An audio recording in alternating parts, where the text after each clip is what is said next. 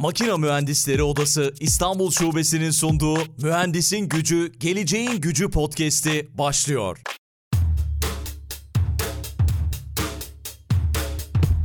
Mühendisin Gücü, Geleceğin Gücü podcast'inin yeni bölümünden hatta 3. sezonun ilk bölümünden herkese merhaba. Bu bölümde Makine Mühendisleri Odası İstanbul Şubesi Sanayi Komisyonu üyesi ve araştırmayı gerçekleştiren, hangi araştırmayı gerçekleştiren İstanbul'da yaşayan mühendisler araştırması. Her yıl bunu Makine Mühendisleri Odası olarak geleneksel bir şekilde gerçekleştiriyoruz biliyorsunuz. 2023 yılının raporu da açıklandı ve bu araştırmayı gerçekleştiren Ankreva Strateji ve Marka Danışmanlığı şirketinin kurucusu Ömürden Sezgin şu anda karşımda. Ömürden merhaba, selamlar, hoş geldin. Hoş bulduk, iyi diyorum, teşekkür ediyorum. Ne kadar uzun bir giriş oldu, yani onu fark ettim. Uzun zamandır da seninle bir yayın yapmamıştık. Çok da güzel olacak eminim. Yeni sezonun ilk bölümünde seninleyiz. Üçüncü sezon oldu. Bu projenin başından beri de beraberiz. Ne kadar güzel oldu değil mi? Burada hem üye araştırmalarını hem de bu tarz projeleri birlikte gerçekleştiriyoruz. Zaten odamızın belirlediğimiz mühendislik gücü, geleceğin gücü vizyonu da bu e, çalışmalar sonucunda çıktı ve e, bu çalışmaların çıktılarından biri de 3 senedir devam eden bu değerli podcast senin sunduğun. O açıdan da ayrıca teşekkür etmek istiyorum. Çok verimli, çok güzel e, bir dönem geçirdik. İki dönem geçirdik, üçüncü döneme girdik. İki dönemde birçok konu ağırladık dünyanın dört bir yanından. Onların projelerini, fikirlerini, yap, mühendisin gücünü Türkiye'ye aktarmaya çalıştık. Burada da zaten araştırmalarda yaptığımız işlerle de mühendisin daha güçlenmesi ki bu ülkenin güçlenmesini sağlayacak. Bunu sağlamaya çalışıyoruz. Kesinlikle öyle dünya üzerinden ve Türkiye'den makine mühendislerini ağırlıklı olarak konuk ediyoruz ve onlarla birlikte harika programlara imza attık. Çok şey öğrendik, öğrenmeye de devam edeceğiz. İkinci sezonun son bölümünde de biliyorsun depremi konuşmuştuk ve belki depremle ilgili de birkaç bir şey söylemekte yarar var. Aradan epey bir zaman geçti. Belki unutuldu, unutmamamız gereken bir durum. Onunla ilgili neler söylemek istersin? Yani kesinlikle unutmamamız gereken durum. Yani ben bu depremde, bu acı olayda hayatını kaybedenlere Allah'tan rahmet diliyorum. Yaralılara acil şifalar diliyorum. Geride kalanlara da ve tüm ülkemize de başsağlığı diliyorum. Gerçekten çok acı günlerden geçtik, geçiyoruz. Yani unutmamamız gerekiyor çünkü bu Türkiye'nin deprem ülkesi gerçeğini tekrardan bize hatırlattı. Aynı zamanda yine burada da açıklayacağımız mühendisin aslında mühendislik mesleğinin ne kadar önemli olduğunu, o bilginin, o teknik bilginin, tecrübenin ne kadar önemli olduğunu bir kere daha gösterdi bizlere. Aynı zamanda bu depremde oda olarak biz de çok faal bir şekilde yardım etmeye çalıştık. Kişisel olarak bizler de, üyeler olarak bizler de elimizden geldiği kadar yardım etmeye çalıştık. Buradan birçok yardım deprem bölgesine gönderildi. Orada bir odanın bir alanı, özel alanı kuruldu. Hala da devam ediyor şu anda yardımlar. Orada bir yaşam alanı da kurulmaya çalışılıyor. Zor günlükleri birlikte çözeceğiz. Zaten orada en çok konuşulan konulardan biri de işte çevredeki binaların yıkılıp makine mühendisleri odasının binasının sapasağlam orada duruyor olmasıydı biliyorsun. Yani orada evet. mühendisliğin ne kadar önemli olduğunu deprem öldürmez bina öldürür gibi bir, bir söz var. Evet. Onun ne kadar doğru olduğunu, mühendislik işin içinde olursa, ne kadar başarılı olursa insanların da hayatta kalabileceğini bir kez daha görmüş olduk aslında. Kesinlikle. Yani o bilgiler, o teknik bilgiler, e, uzmanın o konuda çalışmalarda bulunması, e, liyakatın bulunması, olması bundan sonra çok daha önemli hale geldi. Zaten önemliydi. Deprem ülkesi yaşadığımız gerçeği unutmak bizim bundan sonraki gelecekte yapacağımız en büyük hata olacak. Hatta araştırmada zaten deprem ve afetlerin e, Türkiye'nin en büyük problemlerinden biri olduğu gerçeğini burada da gördük. Bundan sonra da özellikle yaşadığımız şehir İstanbul'da yaşıyorum. İstanbul'da çok daha Allah yaşatmasın ama böyle felaketlerin olabilmesi ihtimali var. Ne zaman olacağını bilmiyoruz ama işte depremle ilgili uzmanlar bunu bazı tahminlerde bulunuyorlar. Yani yarın olacakmış gibi hazırlıklı olmamız lazım. E, yarın yaşayacakmışız gibi bundan sonra yapacağımız binaları da ona göre tasarlamamız lazım. Bu sadece işte inşaat mühendisleri değil dediğim gibi bütün mühendislik birimlerini ilgilendiren bir konu. Yeni şehirlerin inşa edilmesi gerekiyor orada. Yeni kentlerin oluşması gerekiyor. Yeni yaşam yaşam alanlarının oluşması gerekiyor. Burada da mühendislere çok önemli görevler düşüyor. Doğru mühendisliğe, işini bilen mühendislere çok önemli görevler düşüyor ve bunun da hem kişiler kişisel olarak bir mühendis olarak, bir endüstri mühendisi olarak hem de odamız olarak, odalar olarak bunun büyük bilincindeyiz. Kesinlikle. Bu arada az önce ben makine mühendisleri odası dedim o yıkılmayan binaya ama o inşaat mühendisleri odası. İnşaat mühendisleri odası doğru. Onu doğru, düzeltmiş olayım. Doğru. İstanbul'da evet. yaşayan mühendisler araştırmasını 3 yıldır gerçekleştiriyorsunuz. Birçok kez podcast içerisinde bahsettik bundan ama böyle bir araştırma neden yapıyoruz? Neden böyle bir araştırma yapmayı gereği hissettik. Bununla başlayabiliriz belki. Şu öncelikle odamızın ana görevlerinden biri üyelerimizin, Türkiye'deki mühendislerin, İstanbul'daki mühendislerin iş ve yaşam şartlarını incelemek, onlara göre çözüm üretebilmek. Bu araştırmada başta zaten bu ihtiyacı karşılamak anlamında üyelerimizin yaşam şartlarını, iş şartlarını öğrenmek anlamında en önemli araçlardan biri. Biz bunu ilk yaptığımız sene bunu net bir şekilde gördük. İkinci sene ve şimdi üçüncü senede de bunu yaşayarak bu araştırmaya üyelerimizin katkılarıyla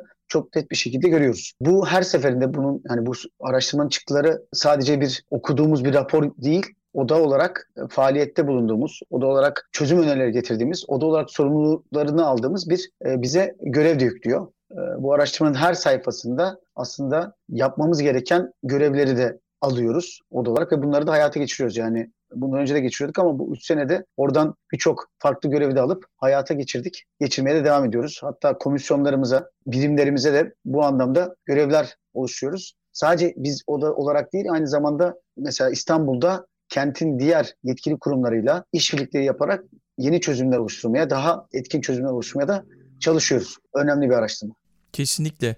Birkaç bilgi vereyim istersen araştırma hakkında. İş, yaşam Tamam. ve eğitim şartlarını inceledik. Doğru değil mi? Evet, eğitimi ben atladım. Yani öğrencileri de burada bu araştırma içerisinde değerlendiriyoruz. Onların görüşlerini, fikirlerini de alıyoruz. İstanbul'da yaşayan mühendis, mühendislik öğrencisi, emekli, iş arayan mühendisler hepsini koyabiliriz bunun içerisine. Aynen öyle. Kaç kişiyle yaptınız, ne kadar zamanda yaptınız belki böyle o istatistiki bilgilerle başlayabiliriz. Şöyle söyleyeyim, bu sene acı olaylar yaşadık depremde olduğu gibi. Ama bir yandan da Cumhuriyetimizin 100. yılını yaşıyoruz. Yani böyle de önemli bir senenin içerisindeyiz. Hatta işte bir dahaki haftada veya önümüzdeki haftalarda da bir seçim olacak. Yani her anlamıyla önemli bir senenin içerisindeyiz. Biz 100. yılı kendimize hedef alarak e, burada 2023 meslektaşımıza ulaşmaya çalıştık. Bundan önceki senelerde ilk sene 1000'e yakın mühendis katılmıştı, üyemiz katılmıştı. İkinci araştırmada 1900 rakamlarına ulaştık. Ama bu senede 2023 kişiyle bu araştırmayı yaptık. Hani bu arada istatistik olarak daha az rakamlarla da yapabiliriz ama 2023 kişiye ulaşmak ciddi anlamda önemli bir rakam. İstanbul'da e, bizim 30 bin üyemiz var. Bu 30 bin üyemiz içerisinde 2023 kişinin katıldığı bir araştırma oldu. Yani istatistik açıdan baktığımızda da güçlü ve etkin bir araştırma oldu diyebilirim. Şimdi senin de belirttiğin gibi buraya, bu araştırmanın farklı farklı meslek veya alanlardan katılımlar oldu. Baktığımızda hani makine mühendisliği odası diyoruz ama odamızın bünyesinde sadece makine mühendisleri yok. Endüstri mühendisleri var, tekstil mühendisleri var, mekatronik mühendisleri var, enerji sistemleri mühendisliği var. Bu araştırmaya tabii ki yoğun olarak oda temsili, üye temsili yaptığımız için katılımda makine mühendislerinden daha fazla oldu. %80,62'si makine mühendisi. Endüstri mühendisleri 8.21, %8.21. Sonrasında tekstil mühendisi geliyor 2.30 oranıyla ve diğerleri de geri kalan kısmını oluşturuyor. %86.2'si erkeklerden oluşuyor. Mesleğin zaten odanın üye temsiline baktığımızda da zaten böyle bir durum var. %13.8'i de kadınlardan oluşuyor. İstanbul'u temsiliyet anlamında da Avrupa yakası, Anadolu yakasına baktığımızda Anadolu yakası %55.7, Avrupa yakasından %44.3 böyle kotalar koyduk zaten temsiliyet anlamında bu araştırmada. Yaş aralığına baktığımızda da 31-50 yaş arası yani ana aktif faal mühendisler dediğimiz %41.0 41.08 ile en yüksek oranda yer alanlar. Enteresan dedim hani 2023 güçlü bir istatistik. Aynı zamanda eğitim durumuna baktığımızda da güçlü bir durum görüyoruz burada. Doktora katılımcı sayısı %1.83 yani Türkiye'nin toplam doktoralı oranına baktığımızda binde 5 yani bunun 4 katı civarında bir e, doktoralı katılım var diyebiliriz. Yüksek lisansta %21.55 bu da ciddi oranda yüksek bir rakam. Zaten %76.6 da lisans zaten tüm katılımcılar mühendis olduğu için lisans mezunu diyebiliriz. Şimdi emekliler var, iş arayanlar var, faal mühendisler var. Faal mühendisler %65.9'unu oluşturuyor. Öğrenciler 5.4, iş arıyorum diyenler 5.6 ve emekliler de burada %23'te aslında ikinci büyük oranda katılım gösteren kişiler. Yani dediğim gibi zaten burada oda temsili aldığımız için bu oranlar odanın da üyelerin temsilen buradalar. Yani bu rakamlara baktığımızda, temsiliyete baktığımızda İstanbul'da yaşayan mühendisler araştırması İstanbul'un aslında yani İstanbul adıyla anılsa da aslında Türkiye'deki mühendislerin de yaşam şartlarını gösteren, bunu ortaya koyan bir araştırma diyebiliriz. Diğer amacımız da burada hani 100. yılında yapmamız. İstiyoruz ki Türkiye'nin yeni yüzyılında mühendislerin yaşam şartlarına, iş şartlarına, eğitim şartlarına bu araştırmadaki çıkan sonuçlar bir vizyon olsun, ışık tutsun. Özellikle de dedim ya seçimler geliyor. Yani bunu bir girdi olarak şu anda seçilecekler bu konuda bizle beraber işbirliği yapacak milletvekilleri diyelim, siyasiler bunu kendilerine bir baz olarak alsınlar kendilerine ışık tutacak bir rapor olarak alsınlar ve bu bu çözümleri beraber yapalım. Çünkü dediğim gibi sadece İstanbul değil aslında Türkiye'yi örnek alan yani örneklem olarak Türkiye'yi gösteren de bir araştırma diyebilirim bu araştırma için. Anladım. Katılımcıların %86.2'si erkeklerden, %13.8'i de kadınlardan oluşuyormuş. Evet. Maalesef yani maalesef diyorum biraz pozitif ayrımcılık olsun. Kadınlar çok fazla değil biliyorsun. Biz de zaman zaman yayınlarda kadın makine mühendisi bulduğumuz zaman gerçekten çok değerli oluyor. Çok seviniyoruz. Ama şu an böyle çıkmış. Belki de yani şeyde katılanlar arasında böyle olmuştur. O dikkatimi çekmişti. Onun dışında nasıl devam edebiliriz? Şimdi şöyle biz araştırmayı aslında 8 ana bölümden oluşturduk. 24 adet çoktan seçmeli, 4 adet çoklu seçim, 1 adet de çoktan seçmeli tablosu var. Bu bunlar anlamında 8 adet bölümü ben ayırmaya çalışacağım burada. Rapora dediğim gibi aynı zamanda hani bu podcast dinlerken makine.mmo.org.tr'den ulaşabilirsiniz. Burada bir PDF olarak raporun bütün bilgileri e, bulunmakta. Hani podcast sırasında akışı takip etmek anlamında sunumu da oradan görebilirsiniz. İlk bölümde mühendislerin ülke durumuna bakış açısını sorduk. Mevcut yaşantınızda insani temel ihtiyaçlarınızı rahat bir şekilde karşılayabiliyor musunuz sorusuna %35.45'i rahat ve çok rahat bir şekilde karşılayabiliyorum. Yani 2023 kişinin %35'i. Bu evet. ciddi anlamda dikkat edilmesi gereken bir konu. İkinci sorumuz mevcut ülke ekonomisini nasıl buluyorsunuz diye sorduk. Ve %87.44'ü mevcut ülke ekonomisini kötü veya çok kötü olarak değerlendirmiş. %87.44'ü. Yani bu da o anlamda işte iş ve yaşam şartları açısından, yaşam şartları açısından mühendislerin durumunu gösteren bir veri. Şeyi sorduk peki ne zaman düzelir bu? İş dünyasının ekonomik problemlerin etkisinin altında kaldığını düşünüyor musunuz dedik. %84'ü evet iş dünyası ekonominin zaten etkisi altında. Bu zaten net bir soru ama iş dünyası ve ekonominin geleceği sizce nasıl olacak diye sorduğumuzda %51'den fazlası 12 ay ve daha fazla yani bunun içerisinde 12-24 ay veya 2 yıldan sonra daha iyi olacağını düşünüyorum diyor. Hatta %12'si hiçbir zaman daha iyi olmayacağını düşünüyor ekonominin. Peki mühendislerin gelecek ile kaygı düzeyini sorduk. Burası çok önemli sorulardan biri. Gelecek kaygılarına baktığımızda mühendislerin %93,13'ü kaygılı olduğunu belirtmiş gelecekle ilgili bu ülkede. 2023 mühendisin %93,13'ü kaygılı olduğunu belirtmiş. Ve burada 23, 18, 22 ve 23, 30 yaş arasında baktığımızda bu oran %96'nın daha fazla. Yani gençlerde kaygı genele baktığımızda daha fazla. Yaş yükseldikçe biraz daha bu oran düşüyor. Yani ortalama 93'e baktığımızda yani gençlerin buradaki kaygı düzeyi çok yüksek. Peki mühendisler bu anlamda ülkemizdeki en önemli sorunlar nelerdir diye sorduğumuzda geçen sene de benzer bir sonuç çıkmıştı. Adalet ve hukuk diyenler bu çoktan seçmeli bir soru. %92 civarında adalet ve hukuk demiş. İkinci sırada %86,7 ile eğitim, üçüncü sırada da 83 civarında da ekonomi denmiş. Burada doğal afet depreme baktığımızda %61.7 ile 6. sıraya geldiğini görüyoruz. Bu geçen seneki yaptığımız anketlerde biraz daha gerilerdeydi. Bu felaketten sonra daha da yükseldi ve işte başta konuştuğumuz gibi depremi asla ve asla unutturmamalıyız. Ve bununla beraber yaşayacağımız bilincine sahip olmalıyız. Kesinlikle. Peki bu anlamda üçüncü bölümde dedik ki mühendislerin ülke doğal afet politikasına bakış açısını sorduk. Yani son dönemde yaşanan olaylarda nasıl bakıyorlar, nasıl gördüler bu politikaları? Ülkemizin doğal afet politikalarını yeterli buluyor musunuz sorusuna %96.06'sı ülkemizin doğal afet politikasını yeterli bulmuyor sonucu çıkıyor. %96'sı. Aykut bu ciddi anlamda yüksek bir rakam. Çok Hatta ciddi, evet. şeyi sorduk yani hükümetin deprem sırasında müdahale yeterliliğini nasıl buluyorsunuz diye sorduğumuzda %81.69'u 6 Şubat'ta yaşadığımız deprem felaketinde müdahaleyi yeterli bulmuyor. Buradaki yaşanan durumu yeterli bulmuyor. Yine önemli bölüme geçiyoruz. Bu da geçen senelerdeki en popüler sorulardan biriydi. Dedik ki yani insanlar İstanbul'da yaşamayı nasıl görüyorlar? Ülkede, bu ülkede yaşamayı nasıl görüyorlar? Dedik ki yakın gelecekte İstanbul'dan taşınarak ülkemizdeki farklı bir şehre ya da başka bir ülkeye gitmek istiyor musunuz sorusunu sorduk. Bu geçen seneye göre ciddi artış gösteren bir oranda. %54'ü, 53'ü İstanbul'u terk etmek istiyor. Gitgide 2023 mühendisliği. Evet, giderek artıyor. Yani burada baktığımızda farklı bir ülkeye gitmeyi isteyenlerin oranı %25.2. Farklı bir şehre gitmeyi, ülkemizdeki farklı bir şehre gitmeyi isteyenlerin oranı %28. Yani işte mühendisin gücü, geleceğin gücü dediğimiz tablo burada önlememiz gereken tablo bu. Tabii ki e, yani tecrübe kazanmak, farklı bir ülke görmek için gidebilir. Ama bu kaygı düzeylerine baktıktan sonra gerekçeleri zaten burada net bir şekilde görebiliyoruz. 18-31 yaş arasına baktığımızda katılımcılarda bu oran yani İstanbul'u dan gitmek istiyorum diyenlerin oranı %68.60. Yani %30'u sadece bu çocukların kalmak istiyor. Gençlerin. 18-31 yaş arası mühendislerin. Evet. Peki dedik ki İstanbul'dan ayrılma gerekçeniz ne? Ne olabilir? Birinci neden kalabalık olması. %60.1. İkincisi burada doğal afet deprem önemli bir sıraya ilerledi ve ikinci sıraya oturdu.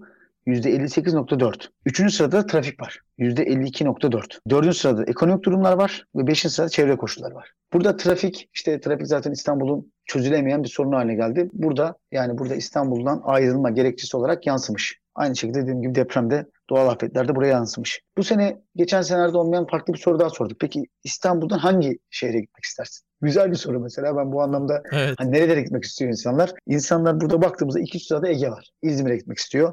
%15.19. Muğla var. ikinci sırada. Üçüncü sırada Çanakkale var. Yani inanılmaz buralara bir talep oluşuyor. Buradaki nüfusun oraya göç ettiğini düşündüğümüzde. Sonrasında Ankara, Balıkesir, Antalya diye devam ediyor. Ben de mesela İstanbul'dan İstanbul'dan ayrılmak istiyorum bir noktada. Benim gitmek istediğim Samsun'da burada 2.17 ile sıraya girmiş durumda. Evet doğru. Peki hangi ülkeye gitmek istiyorsun dediğimde yani veya senin bulunduğun Tekirdağ'da 3.98 oranıyla burada bakta yani yakın coğrafya ve Ege bölgesi burada yüksek oranda insanların gitmek istediği şehirler arasında yer almış. Peki hangi ülkeye gitmek istiyorsun dediğimizde e, Almanya, burada Almanya sırada, %28.77'de evet yine senin normalde yaşadığın ülke diyelim. evet, aynen. Sonra Amerika Birleşik Birleşik Devletleri giriyor %15.6. Sonra İngiltere giriyor 8.32 gibi. Hollanda, Kanada, İsviçre diye değişiyor. Devam ediyor. Yani burada da baktığımızda şeyi de sorduk. Başka bir ülkeye taşınma konusundaki motivasyonlarını sorduk insanlara. Türkiye değil hani ülkeyi değiştirme anlamındaki motivasyonlarını sorduk. Burada da ekonomik durumlar %67.3. Bakın İstanbul'dan gitmek kalabalıktı burada. Ekonomik durumlar birinci sıraya oturdu. İkinci sırada sosyal yaşam. Üçüncü sırada iş standartları ve olanakları. Buradaki hani görüyoruz ya işte burada ülke bir mühendis kaybetti. O işte ne bileyim Almanya bir kurye kazandı. Yani Evet. bu resmi ne yazık ki bu resmi burada görebiliyoruz ve bunu çok üzülerek anlatıyorum burada. Yani bu insanları e, bu ülke yetiştiriyor ve insanlar gençlerin %60'ın üzerindeki gençler bu şehri terk edip yani Türkiye'ye vurduğumuzda aslında bu rakam olarak çok daha fazla bu ülkeden gidip oralarda mesleğini bile icra etmek değil başka işler yapmak istiyorlar. Evet. Sosyal yaşam. Beşinci bölüme olsun, geldiğimizde yeter ki Evet, durum sos- olsun. Aynen, sos, aynen yani buradaki hani her gün televizyonlarda, sosyal medyada buradaki Avrupa'daki veya yurt dışındaki farklı gelir kazanan meslektaşlarımızın farklı işler yaparak yani kendi okuduğu meslek dışında işler yaparak daha fazla gelir kazandığını üzülerek izliyoruz. Daha fazla gelir kazanması güzel ama mesleğini yapmaması, burada yetiştiği topraklardan ayrılıp buralarda farklı hayallere koşması üzücü. İşte o da olarak görevlerimizden biri de bu ortamı burada yaratabilmek. Tekrar o beyin göçünü buraya dönmesi sağlamak ve burada üretmesini sağlayabilmek. Peki 5. bölümde mühendislerin meslek, meslek eğitimine ve mesleğe bakış açılarını sorduk. Burada da yine üzücü bir tabloyla karşı karşıyayız. Mühendislerin %9 90,4'ü üniversitelerde eğitim alan öğrenci sayısının fazla olduğunu belirtirken %74,75'i üniversitede verilen eğitim kalitesinin düşük olduğunu belirtmiş. Yani Evet. bu da ciddi bir sorunlardan biri. Biz araştırma yaparken biliyorsun şeylere bakmıştık. Yani makine mühendisliği fakültesine giren son 3 kişinin e, netlerine baktık. İnan eksi bir fizik netiyle öğrenci orada makine mühendisliği öğrencisi olmuş. Bu adam bitirdim bitirmedim bilmiyoruz ama eksi bir netle Türkiye'deki herhangi bir makine mühendisliği fakültesine yerleşmiş. Nasıl olabiliyor bu? Yani- Yani çok ilginç ya, çok enteresan. Geçen evet, sene de yani bunu o puanlarla- vermiştin. Evet. Bu puanlarla baktığımızda yani hani depremden geldik. Mühendisin önemini anlattık. Mühendisin hani sadece deprem değil. Birçok teknik konuda zaten ana teknik konularda kendi görev sorumlu olan konularda insan yaşamıyla ilgili büyük sorumlulukları var. İnsan kalitesini veya kolaylığı getirme dışında insan güvenliği açısından önemli sorumlulukları var. Mühendisin fazla olmasından öte yet- yetkinliğinin aslında burada yetkin mühendislerini yetiştirmek, onları iş dünyasına kazandırmak burada önemli ama şu andaki araştırma katılanların tekrar hatırlatmak istiyorum. %90,46'sı üniversitelerde eğitim alan öğrenci sayının fazla olduğunu yani aslında bu da işsizliğe dönüşüyor zaten.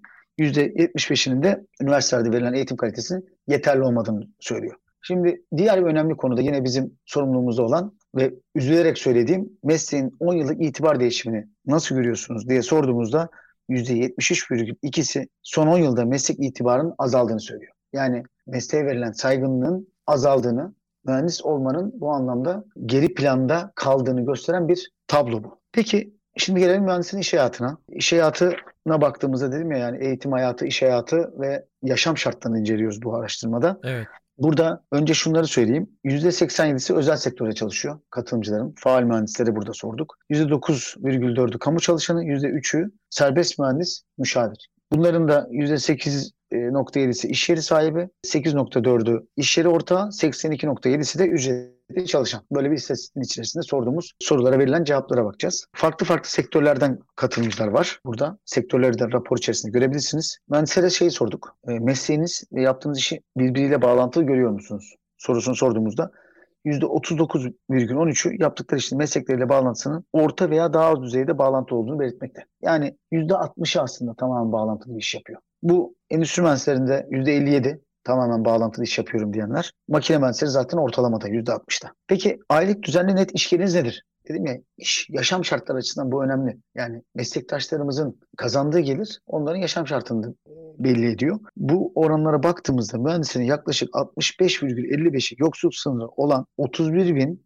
241,48 TL'den daha düşük maaş alıyor. Yani %65,55'i yoksulluk sınırının altında. Yani bu da ciddi bir. Bu rakam peki geçen seneden bu zamana epey bir artmış herhalde değil mi enflasyonla birlikte? Tabii tabii geçen senelerde bu tahminim 17 bin 18 bin civarındaydı. Şu anda 30 bin lira 31 bin lira geldi. Ve e, TMOB'un da bir belirtmiş olduğu askeri mühendis ücreti var. Ve %7.2'si TMOB'un belirlediği oranın altında alıyor. Yani neredeyse asgari ücretli çalışan meslektaşlarımız var. Bu da ciddi anlamda sıkıntılı bir süreç. TMOB'un belirlediği asgari ücret brüt 17.500. Yani net ücret olarak 12.150'ye geliyor. Ve meslektaşlarımız %7.2'si bu ücretin altında çalıştığını beyan etmişler. Peki gelelim iş hayatına. Yani çalışma düzeni nasıl değişmiş, iş hayatları nasıl değişmiş veya nasıl değişiyor? Bu bunu pandemide sormuştuk bu soruyu. Dedik ki mevcut çalışma düzeniniz nasıl? Düzeniniz nasıl? Bu tabii başta neredeyse %100'dü pandemiden önce. Şu anda baktığımızda %76,39'u tam süreli olarak iş yerinden çalışıyorum demiş. Yani bir iş yaşamında da bir değişim söz konusu. Pandemi bitmiş olsa da hala uzaktan çalışma devam ediyor. Dedik ki mevcut çalışma düzeninizde iş kaliteniz, veriminiz nasıl diye sorduğumuzda iş verimim yüksek düzeyde artıyor diyenler %28.71. E, tam süreli olarak iş yerinden çalışanların %28.6'sı iş hayatı veriminde bir değişim olmadığını, %53,88'i iş hayatı verimliliğinde artış olduğunu tam süreli olarak iş yerinden çalışanlar söylüyor bunu ve %18,6'sı da iş hayatı veriminde düşüş olduğunu belirtmiş. Son bir yılda gelirinizde nasıl bir değişim oldu diye sorduk. Bunu da TÜİK Aralık 2022 TÜFE verilerine göre baktık. %64.27 TÜİK'in TÜFE oranı yani o anlamdaki enflasyon oranına baktığımızda mühendislerin yaklaşık %52.1'inin yani yarısından fazlasının gelirleri enflasyona karşı azalmış. Yani enflasyon oranında TÜİK'in belirlediği, belirlediği enflasyon oranında bir artış alamamışlar. Yani bu yaşam koşullarında hayat pahalılığı karşısında gelirlerinin eridiğini gösteriyor. Bu da bizim aslında oda olarak savunmamız gereken kendimize sorumluluk olarak adlettiğimiz konulardan biri.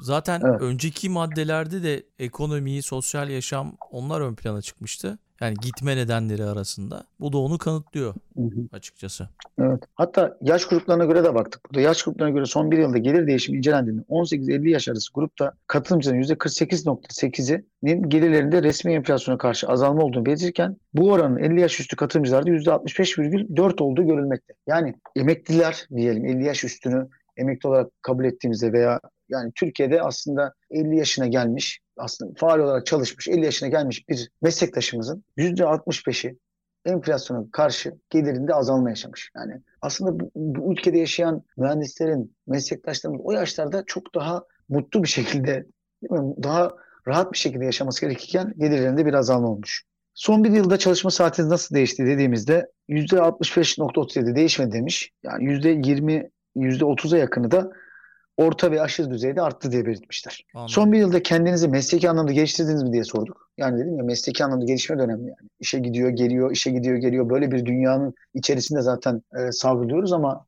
mesleki anlamda gelişmek de önemli. Bu işe de katkı sağlıyor, ülkenin gelişimine de katkı sağlıyor. Faal mühendislerin %42 nokta yani 43'ü son bir yılda kendisini meslek anlamda geliştiremediğini söylüyor. %43'ü. Hep rakamlar büyük yani %43, 50, 60 hani baktığımızda yüksek oranda olumsuz diye kabul edeceğimiz oranlar mevcut. Peki önümüzdeki bir yılda işinize devam durumunuz ile ilgili ne düşünüyor, düşünceniz nedir diye sorduğumuzda %6'sı 5,5'u işimi kaybedeceğimi düşünüyorum demiş. 5,5 bu bunların içerisinde.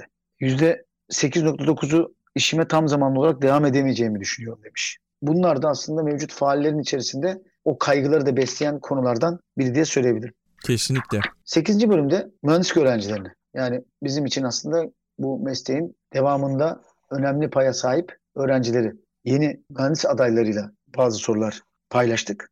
genelde işte İstanbul'daki genelde değil zaten İstanbul'daki e, yaşayan İstanbul'da okuyan üniversite üniversite öğrencilerine sorduk. Şimdi dedik ki okulunuzun teknolojik altyapısı uzaktan eğitimi devam ettirmek için yeterli düzeyde biliyorsun. Zaten uzakta eğitime geçildi. Pandemi zamanında da uzaktan eğitim vardı. %15'i sadece yeterli düzeyde demiş. %15. 15.45'i. Kısmen yeterli düzeyde diyenler 40, geri kalanı yetersiz düzeyde diye belirtmiş. Okulunuzun teknolojik altyapısı uzaktan eğitimi devam ettirmek için yeterli düzeyde mi? Hani bundan sonrası için. Ee, burada da öğrencilerin %84-55 okullarının mesleki gelişimine katkısını tam anlamda yeterli bulmuyor sonucu çıkmış. Öğrenciler diyor ki okulumuzdaki uzaktan eğitim ve teknolojik altyapı e, mesleğimizi geliştirme konusunda yeterli değil. %80.55'i. Anladım. Peki üniversitenizdeki eğitim süreçlerinde sizi en çok zorlayan konular nedir diye sorduk. Burada da okulun sosyal alan, alanlardaki yetersizliği birinci sırada geliyor. İkinci sırada uzaktan eğitime uygun olmayan dersler. Üçüncü sırada da okul yönetiminin öğrencilerin durumu hakkındaki bilgisizliği belirtmişler. Evet öğrencilere bir de şey sorduk yani mezun olduktan sonra kaç ay sonra iş bulabileceğinizi düşünüyorsunuz dediğimizde %78 civarı 0-6 ay içerisinde iş bulabileceğini düşünüyor. Geri kalanı 6-24 ay içerisinde iş bulabileceğini düşünüyor. Yani zaten 0-3 ay içerisinde iş bulurum diyenler %52. Üniversite öğrenciniz boyunca eğitim, staj, gezi ve bunun için toplamda kaç ay yurt dışında bulunduğunuz sorusuna cevap verenlerden hiç yurt dışına çıkmadım diyenler %80. Aykut %80. İnanılmaz. Ve düşün. Çok fazla. Bu yani %80 hiç yurt dışına gitmemiş ve bunlardan ciddi bir oranda öğrenci hayatını yurt dışına geçirmek istiyor. Yani İstanbul'dan ayrılmak istiyor. Yani görmediği, bilmediği bir coğrafyaya gidip orada kalmak istiyor. Bu ciddi bir oran ciddi bir dokunmamız gereken bir konu. Yani bu artık beyin göçünün nasıl devam edeceğini kaygıyla gösteren bir veri. Hükümetin afet sonrası uzaktan eğitim kararını doğru buluyor musunuz diye sorduğumuzda yakın zamanda alınan bir karardı. Depremden sonra alınan bir karardı. %70'i hayır doğru bulmuyorum demiş. Yani şu anda İstanbul'daki üniversitelerde yaşayan, okuyan öğrenciler %70'i ben bu konuda kararı doğru bulmuyorum demiş. Zaten koronadan dolayı epey bir evden gitti şimdi bir de bu çıktı. Yani o dönemde yetişen öğrenciler hep evden öğrenim gördüler. Yani şanssızlık, büyük şanssızlık onlar evet, için. Sadece dersler açısından değil. Yani sosyal anlamda da birbirlerini tanıma anlamında da üniversitedeki o güzel yaşantıyı kaçırma anlamında e, da ne yazık ki böyle bir sıkıntının içine girdiler. Evet. Pandemi bitmiş rahatlamıştık ve burada da aslında üniversiteye gidebilme, fiziksel olarak gidebilme kararı çıkabilirdi. Ama onları zaten bu anlamda %70 oranında tepkililer bu karara. Kesinlikle. Peki sonraki bölümde emekli mühendisler o da benim merak ettiğim. Geçen sene de araştırmanın içerisinde vardı. Emekli mühendislerle ilgili bölümde neler var? Yani buradaki en önemli çarpıcı nokta şu. Buradaki emekli olduktan sonra çalışma hayatınıza devam ettiniz mi sorusuna %79.2'si emekli olduktan sonra da değişen sürelerde çalışma hayatına devam ettim diyor. Yani hem geliri azalıyor az önceki anlattığım gibi 50 yaş üstünün %65'i enflasyona karşı geliri azalıyor ve bunların çoğu %79.2'si çalışma hayatına devam etmek zorunda kalıyor. Bu da aslında ülkenin emekli olduktan sonra meslektaşların durumu açısından resmini gösteriyor. Evet. Bu da üzücü tablolardan biri. Yani Avrupalılar emekli olduktan sonra dünyaya gezerken kalifiye bir kitle dediğimiz mühendis kitlesi bu kadar emek verdikten sonra yaşantısına çalışmak zorunda kalarak devam ediyor. Diğer bir konuda bu rakam gelecek yıl çok daha fazla olacaktır diye düşünüyorum. Çünkü EYT çıktı biliyorsun. Çok daha fazla Hı-hı. emekli mühendis karşımızda olabilir farklı meslek gruplarında da. Ama onlar yine çalışma hayatında devam edeceklerdir diye tahmin ediyorum. Kesinlikle. Bunlar yani bir dahaki seneki rakamlara baktığımızda burada bir artış olacağını tahmin edebiliriz. Bir diğer soruda yani gençlere mesleki tecrübenizi aktarmak ister misiniz? Aktarıyor musunuz dediğimizde böyle bir ortam bulamıyorum, aktaramıyorum. %89.3'ü bunun için uygun koşul ve ortamlar bulamadığını söylüyor. Bu da aslında bizim oda olarak emeklilerle, faal mühendisleri, emeklilerle öğrencileri bir araya getirdiğimiz programların bu aktarımı gerçekleştirmek için yapacağımız programların ne kadar önemli olduğunu gösteriyor ki bunun için zaten faaliyetlerde bulunuyoruz. Peki yani burada iş arayanlar da çok önemli. Makine Mühendisleri Odası İstanbul Şubesi olarak biz zaman zaman podcast içerisinde de konuşuyoruz bu konuyu. Hem birinci sezonda hem ikinci sezonda konuştuk. Eminim ki bu sezonda da konuşacağız. Ve LinkedIn'i de çok yakından takip ediyorum. Burada iş arayan mühendisler konusunda bu bölümde neler çıktı araştırmadan? Şimdi iş arayanlar da burada yine istatistik olarak o da temsili çıkan bir rakam üzerinden değerlendirdik. İş arayanların sorunlarını burada anlamaya çalıştık. Ne kadar süredir iş arıyorsunuz sorusunu sorduk. 6 aydan daha uzun süre iş arayanların oranı %51. Yani adam işsiz kalıyor. İnanılmaz. %51. 6 ay içerisinde iş bulamıyor. Daha uzun süre. Yani buna 24 ay ve üstü iş arayanların oranı %27. Yani zaten 24 aydır iş arayamayan, arayan, arayan insanı zaten doğal olarak buradan e, umudunu kesmiş olarak da adedebiliriz. Yani bu oran e, işsizliğin bu araştırmaya yansıyan durumu. Yaş dağılımlarına göre incelediğimizde 31-50 yaş arası katılımcının %33.89'u, 51-64 yaş arası katılımcının %64.70'i, 65 yaş üstü e, katılımcıların ise %71.42'si 12 aydan daha uzun süredir iş aramaktadır. Böyle bir arayışı içerisinde. Yani 31-50 yaş arasındaki katılımcıların %33'ünün 12 aydan daha uzun süre iş araması ciddi bir oran. İş arama süresi cinsiyete göre incelendiğinde erkeklerin %38-55'i, kadınların ise %40-40'ı 12 aydan daha uzun sürede iş aramakta. Bu oranlara baktığımızda.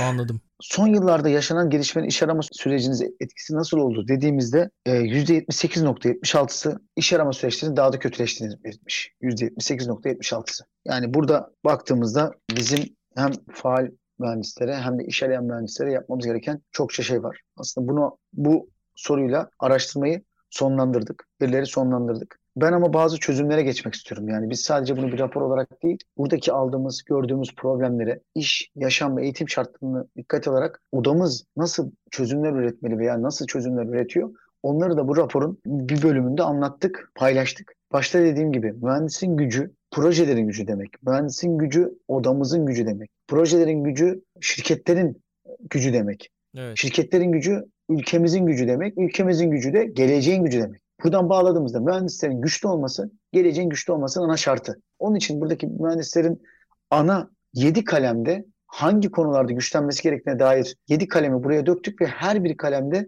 problemi yani araştırmadan çıkan problemi ve oda olarak önerilerimizi yazdık. Bunlardan bir kısmına değinmek istiyorum. Mesela gelir konusu. Gelir konusunda enflasyona karşı eriyen ücretler var. Biz ne yapıyoruz? TMOP tarafından belirlenen asgari ücret uygulamasını devam ettiriyoruz. Yani bunu bir baz olarak veriyoruz. Bu bile yeterli olmasa bile her sene zaten bunu arttırarak ilerletiyoruz ki bahsettiğim gibi araştırmanın %7'si bu bazdan bile daha aşağıda ücretler alıyor. SGK ile yeniden protokolleri, anlaşmaları imzalıyoruz. Bu konuda takip ediyoruz konuyu ve etkin denetim sağlıyoruz maaşlar konusunda. Eğitim tarafı dediğim gibi yani mesleki gelişim yetersiz. Öğrenciler kendi e, aldıkları eğitimden o anlamda memnun değiller. Yetersiz ve kalitesiz bir mühendislik eğitiminin olduğu bazı eğitim alanları var. Bunlarla ilgili ne yapıyoruz? Meslek biz mezun olduktan sonra mesleki eğitimlerle, sertifikalarla e, meslektaşın gelişimi konusunda da katkı sunmaya çalışıyoruz. Kontenjanların özellikle üniversite kontenjanların bu anlamda oda ile görüşülerek belirlenmesi böyle bir planlamanın çıkartılması konusunda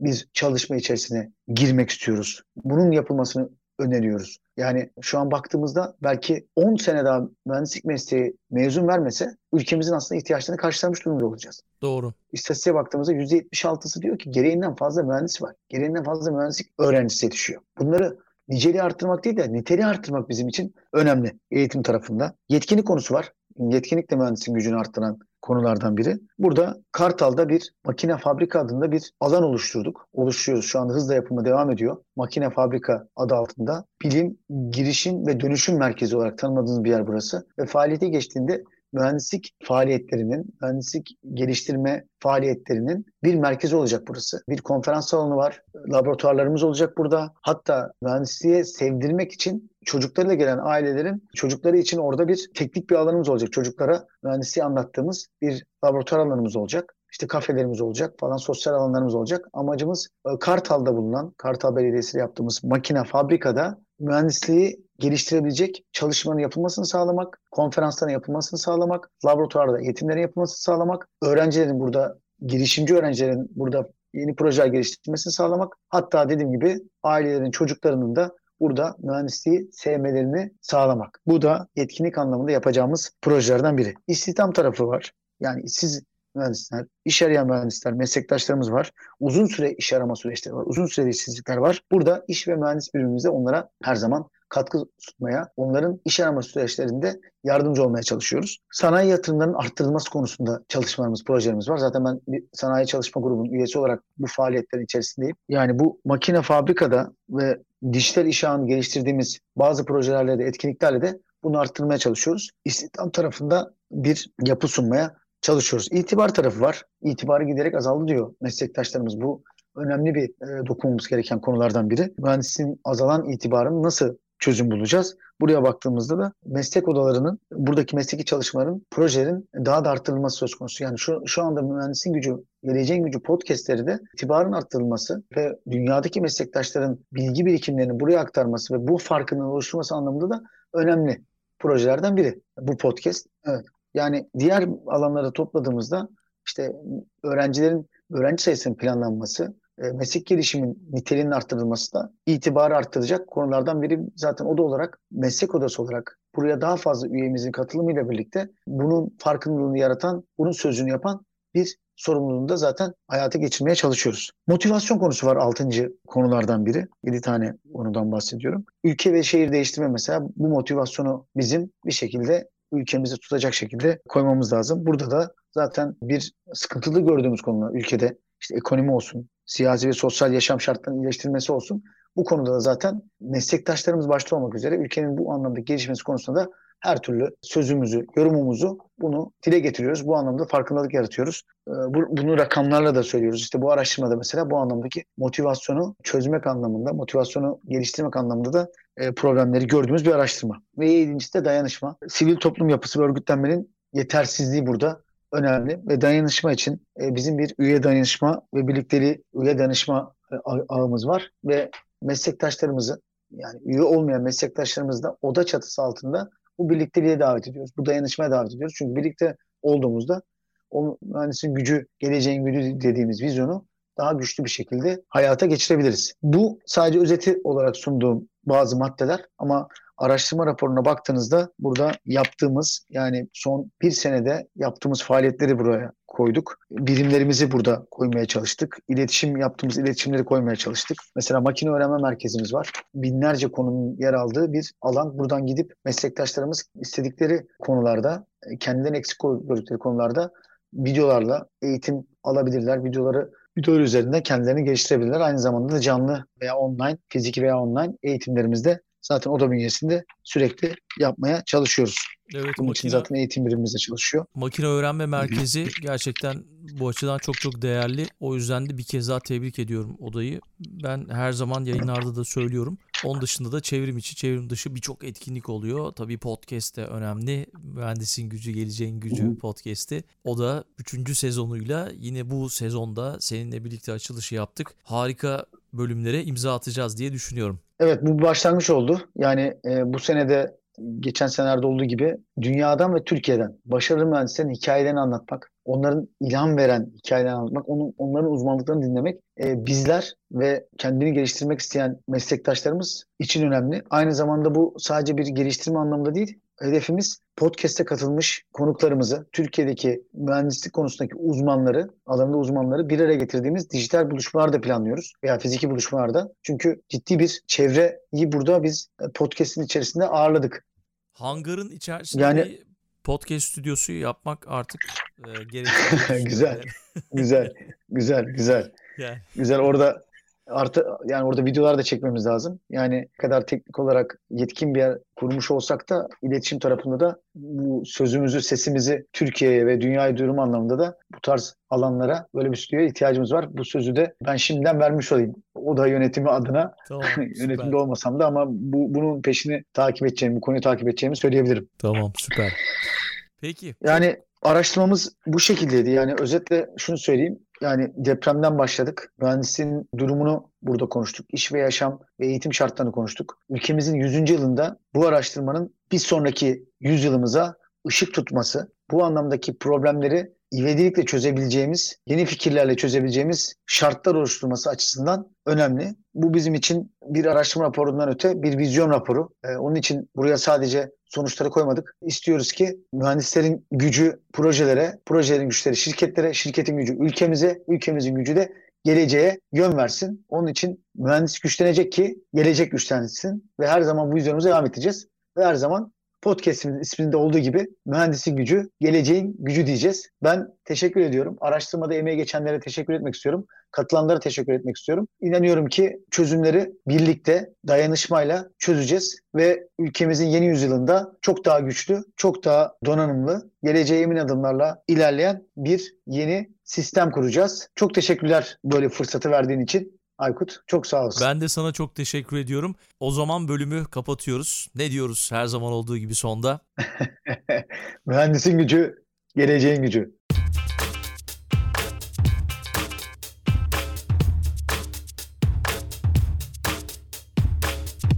Makina Mühendisleri Odası İstanbul Şubesi'nin sunduğu Mühendisin Gücü, Geleceğin Gücü podcast'i sona erdi.